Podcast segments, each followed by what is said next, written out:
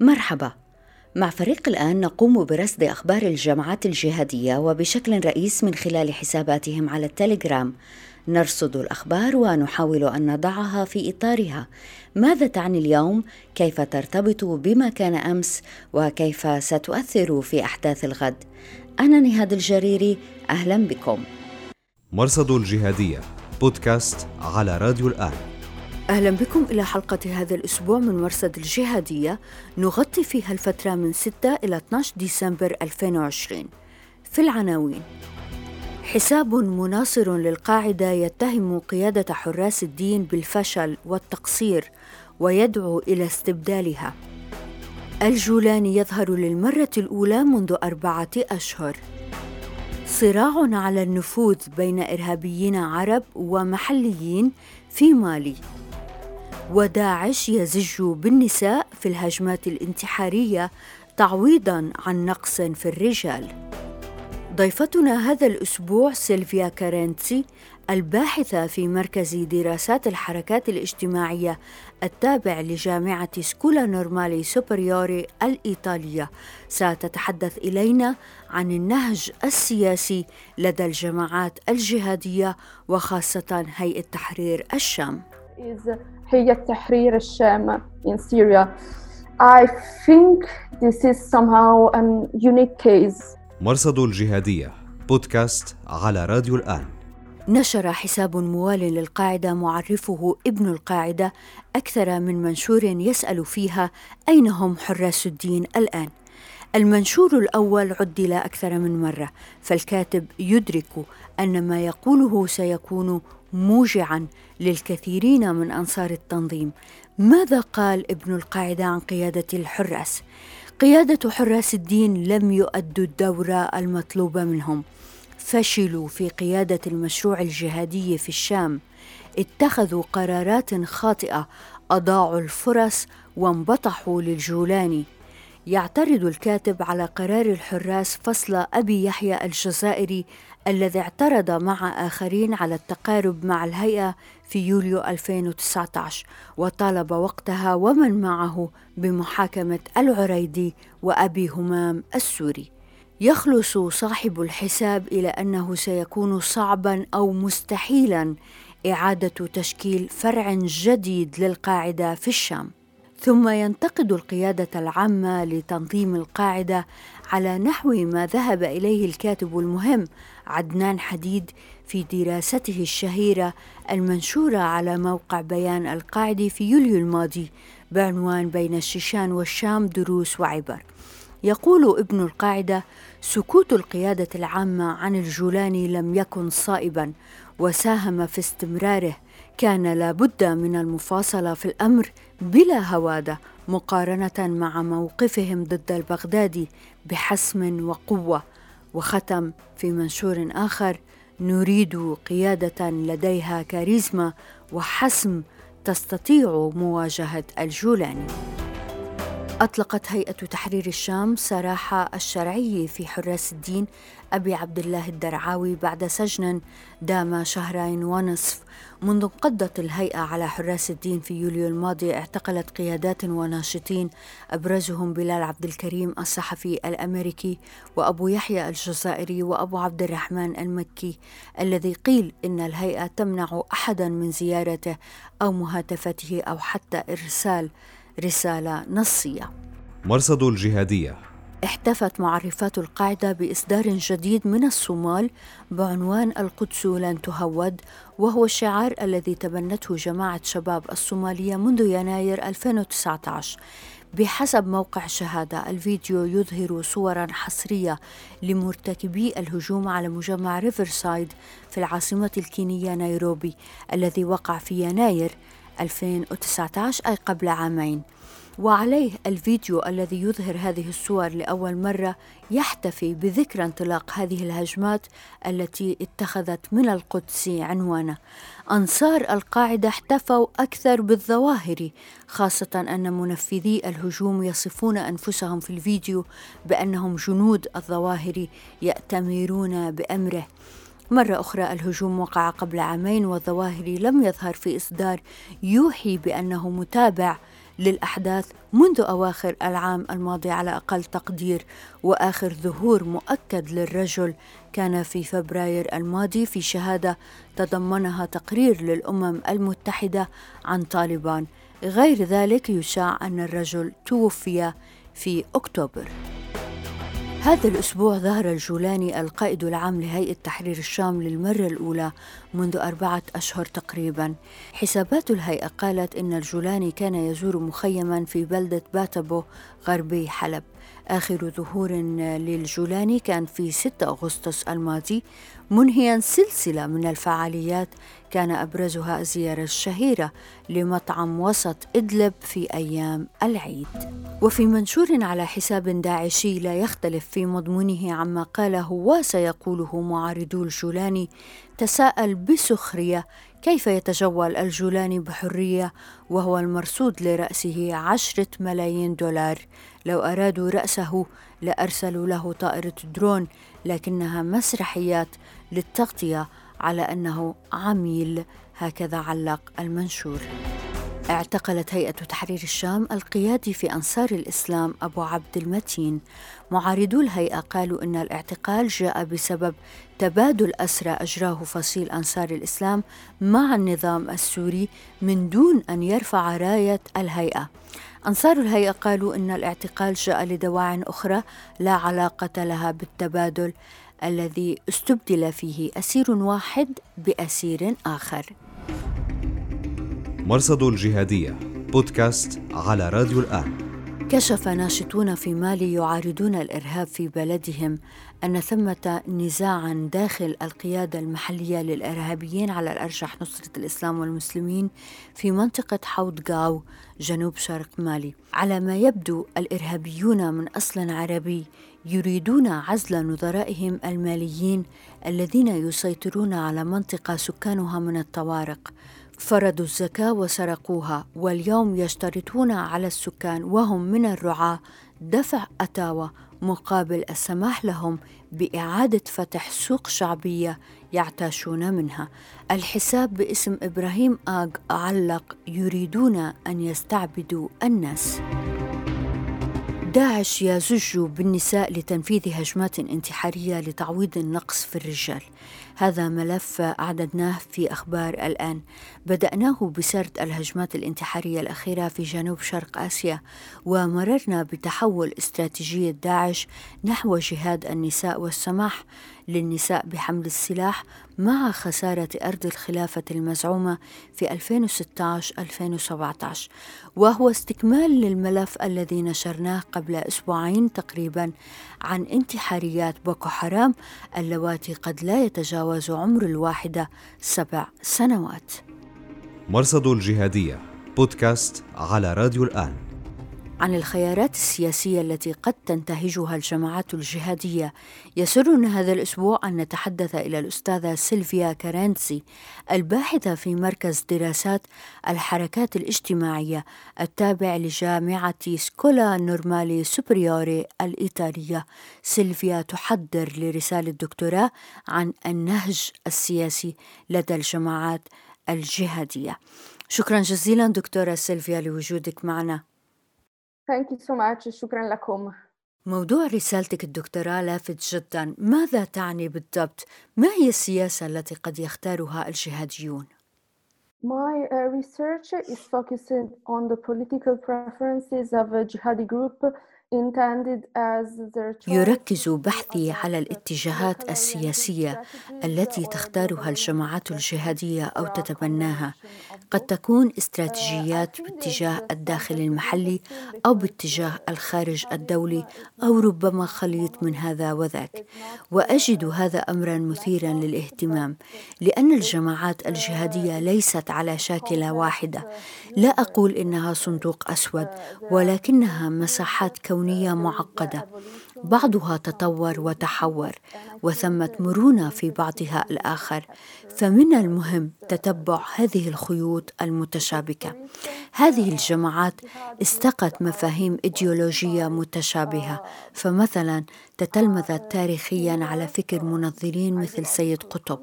لكن إذا نظرنا إلى أرض الواقع لرأينا أن الجماعات التي يبدو أن لديها إيديولوجية متشابهة وجدنا أنها بالرغم من ذلك كله تختلف في اختياراتها على الأرض فيما يتعلق باتخاذ سياسات موجهة محليا أو عالميا. Something that has quite a long history because uh, it has been introduced by uh, Abdesalam Faraj الفريدة الغائبة وهذا أمر ظهر في أوقات مبكرة من تاريخ الجماعات الجهادية في كتاب الفريدة الغائبة لمحمد عبد السلام فرج الذي تحدث عن العدو القريب والعدو البعيد. هذه مسائل معقدة لكن في الواقع مسألة الاختيارات السياسية أصبحت أكثر تعقيدا منذ مطلع الألفية لأن الجماعات الجهادية غالبا ما تتخذ خليطا من الاستراتيجيات. الباحث توماس هاغهامر أشار إلى اتجاهات مركبة تتنوع فيها تصنيفات العدو والأهم هنا هو أن مجموعة واحدة قد تغير اتجاهها واختياراتها السياسية مع مرور الوقت. عندما أتحدث عن الاختيارات السياسية التي يتخذها الجهاديون أدرك أن الموضوع واسع ومتشعب. وأركز في بحثي على الظروف التي تدفع في اتجاه اتخاذ هذه الاستراتيجيات.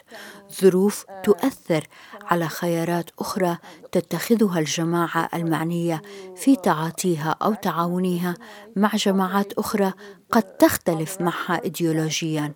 ظروف تجعلها تختار أن تتخلى عن بعض تكتيكاتها.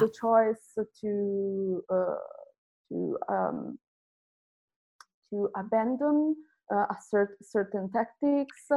Uh, so yeah. الحقيقة دكتورة أنه أحد أسباب اهتمامنا بالموضوع هو معرفتنا من إيديولوجية الجهاديين أنهم بيرفضوا الديمقراطية والانتخابات وحتى بيعتبروها كفر. والسياسة بالنسبة لنا كناس عاديين بتتعلق بهالمفاهيم. إذا أين نجد تطبيقات عملية على هذه الخيارات التي قد يتخذها الجهاديون؟ أعتقد طالبان ممكن تكون واحدة منهم.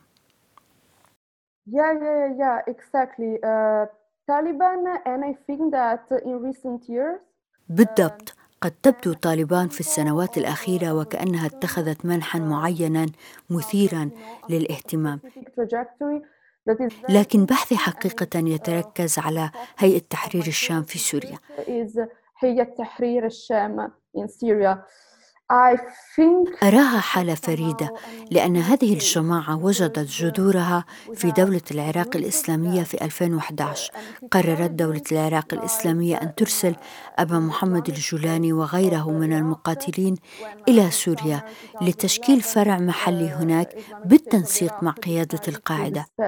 أبو محمد الجولاني إذا هذه جماعة موالية للقاعدة لكنها قررت مع مرور الوقت قطع علاقتها بالقاعدة. في البداية بدأ فك الارتباط إجراء تجميليا أو دعائيا، لكن مع مرور الوقت رأينا تحورا وتحولا في خطاب المجموعة وفي سلوكها، خاصة في 2017 عندما قررت الهيئة الدخول في محادثات مع تركيا لتنسيق تدخلها العسكري في شمال غرب سوريا. ما أجده مثيرا للاهتمام هو أنه في فبراير 2017 نشر شريط فيديو يحدد مبادئ هيئة تحرير الشام ويعلن هذا الشكل الجديد الذي استقرت عليه قبل ذلك التاريخ بشهر. Several principles listed uh, uh, reference to Sharia and so on, but uh, في التسجيل مبادئ كثيرة تستند إلى مسوغات شرعية. من أهمها هو أن تشكيل علاقات مع أطراف أجنبية أمر مشروع طالما فيه فائدة. هذه النقطة بالذات تكررت عدة مرات في بيانات الهيئة ومنظريها. This uh, statement, it was a question and answer on the Telegram channel of Abu al-Fatah al-Faghali. كما حدث في سؤال وجواب على قناة الشرعي يحيى أبو الفتح الفرغلي الذي قال بمشروعية الوجود التركي في شمال غرب سوريا ومنطقة إدلب طالما توفرت شروط معينة مثل أن تكون الغلبة العسكرية للهيئة وألا تتدخل تركيا في الإدارة. Basically mm, control over decisions of war and peace. وأن يكون للهيئة القرار النهائي في شن الحرب أو عقد السلم. هذا اتجاه مثير للاهتمام لأنه ينطوي على عملية غربلة داخل الجماعات الجهادية في سوريا وهو ما رأيناه عندما قرر الجهاديون الموالون للقاعدة أن ينفصلوا في جماعة تنظيم حراس الدين. تنظيم حراس الدين.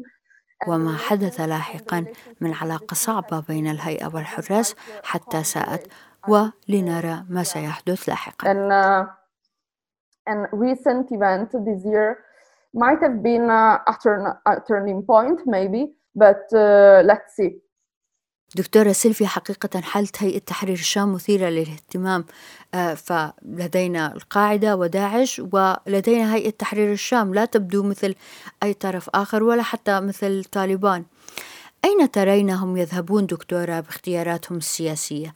هل سيظلون على هويتهم الجهادية؟ I think this is uh, the quick the key question. I think this is like the ultimate question هذا هو السؤال الجوهري. هذا هو السؤال الأهم بالنسبة لي. هي التحرير الشام بروجكت عندما أنظر إلى مشروع هيئه تحرير الشام إلى أي درجة هو مشروع قابل للحياة على المدى الطويل؟ كيف سيوازن علاقاته بالدول الأخرى مثل تركيا مع احتفاظه بهويته الجهادية؟ أعتقد أن الحدث الأبرز الذي يجب أن نتابعه باهتمام هو ما حدث مع أحرار الشام أخيرا. Because uh, there are talks about the creation, the creation of this uh. على خلفية المحادثات حول تأسيس المجلس العسكري الذي قد يضم أحرار الشام وهيئة تحرير الشام وفيلق الشام. وفي هذه الحالة السؤال المطروح هو هل ستتخذ الهيئة نفس اتجاه الأحرار؟ هذا سؤال مفتوح ويعتمد على التطورات المتعلقة بالوجود التركي في شمال غرب سوريا. on uh, all the developments related to uh, northwest Syria and uh, the Turkish engagement in, uh, in the region. هل يمكن دكتورة أنه تشرحي لنا أكثر بخصوص أحرار الشام؟ كيف يمكن للهيئة أن تسير في نفس طريقهم؟ عندما أتحدث عن اتجاه أحرار الشام فأنا أعني أن تتخذ الهيئة موقفا واضحا ومؤكدا بخصوص تحالفها مع تركيا على نحو ما رأينا من أحرار الشام خلال العام الماضي عندما أصبحوا جزءا من الجبهة الوطنية للتحرير. جبهة وطنية للتحرير. So, uh... وعليه نتساءل ما إذا سيرى هذا المجلس العسكري النور وما إذا ستسير الهيئة في نفس نهج الأحرار.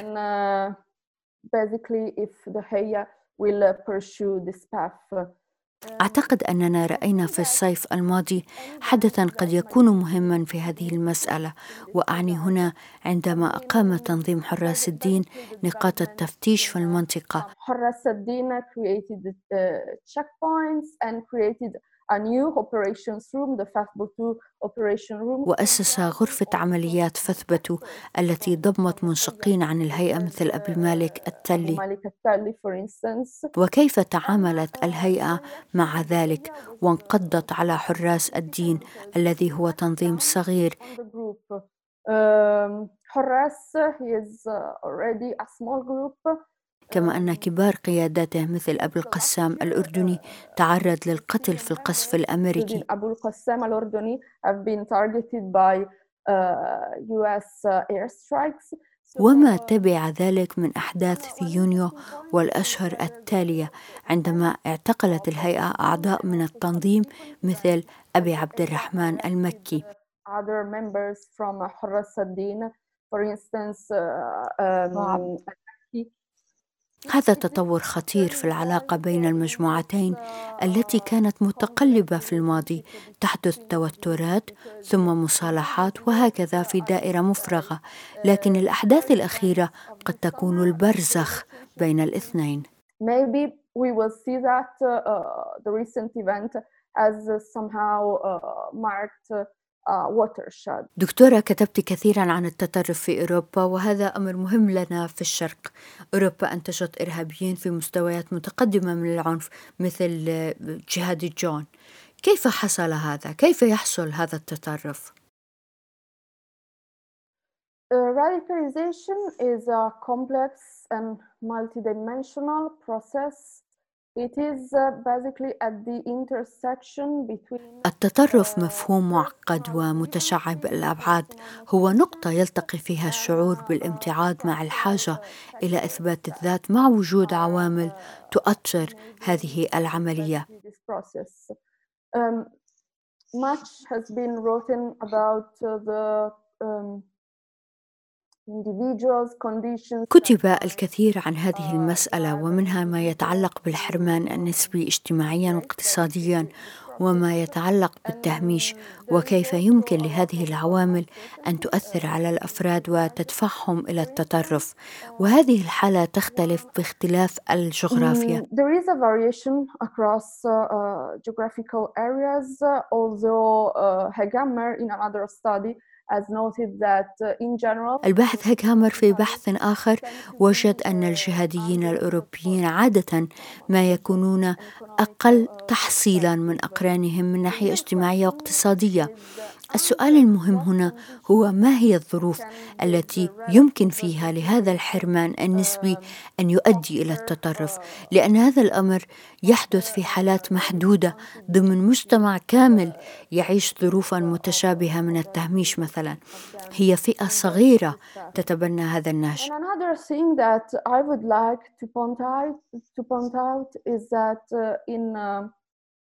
We talk about radicalization uh, Uh, we often talk about jihadism although uh, radicalization can involve uh, also other ideologies. أود أيضا أن أشير إلى أمر آخر وهو أننا غالبا ما نتحدث عن الجهادية كرديف للتطرف ولكن التطرف يتضمن إيديولوجيات أخرى لست متخصصة في هذا الموضوع ولكن أود أن أذكر أمثلة بحسب ما جاء في تقرير مؤشر الإرهاب العالمي المنشور العام الماضي خلال السنوات الخمس الماضية ارتفعت بمعدلات لافتة حالات الإرهاب التي تعزى إلى اليمين المتشدد في أوروبا وهو ما أثبتته الأحداث الأخيرة. وقع في فرنسا.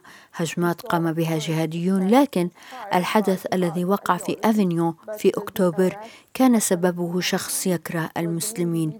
وكذلك الهجوم على المساجد كما حدث في كرايست تشيرش في نيوزيلندا آه، والاعتداء على الأقليات التي من ضمنها مسلمون آه، سواء في أوروبا أو خارجها للأسف هذه أمور نشهدها في أوروبا ويجب أن نشير إليها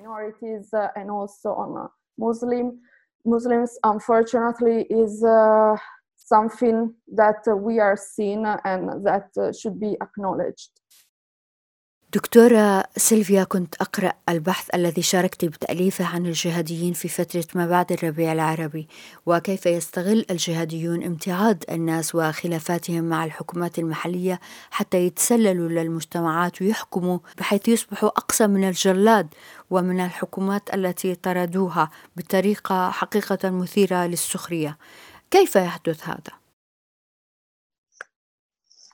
From an, idea, an ideational point of view uh, uh, ما يفعله الجهاديون عادة هو أنهم يؤطرون أفكارهم يربطون التجارب والأحداث بمعنى يشكلونه بأنفسهم وغالبا ما يتضمن ذلك مشاعر غضب وامتعاض من فساد أو ظلم أو تهميش. Is what happened for instance in uh, Iraq and uh, تنظيم الدولة. تنظيم الدولة exploited مثال على إعادة تأطير الامتعاض الشعبي والتهميش هو ما حدث في العراق عندما قام تنظيم الدولة باستغلال مشاعر التهميش التي سيطرت على السنة في العراق وأطروها ضمن سياق نحن ضدهم أي السنة ضد الشيعة. هذا مثال لاستغلال الامتعاض الشعبي. And uh, this is, uh, I think, an, an example of exploiting uh, local issues and grievances. دكتورة سيلفيا كارنتسي الباحثة في جامعة سكولا نورمالي سوبريوري الإيطالية شكرا جزيلا لوجودك معنا. شكرا شكرا جزيلا ومع السلامة. وشكرا لوجودكم معنا في راديو وتلفزيون الآن. بإمكانكم الاطلاع على نص هذه الحلقة في أخبار الآن dot net. أنا نهاد الجريري مع السلامة. مرصد الجهادية بودكاست على راديو الآن.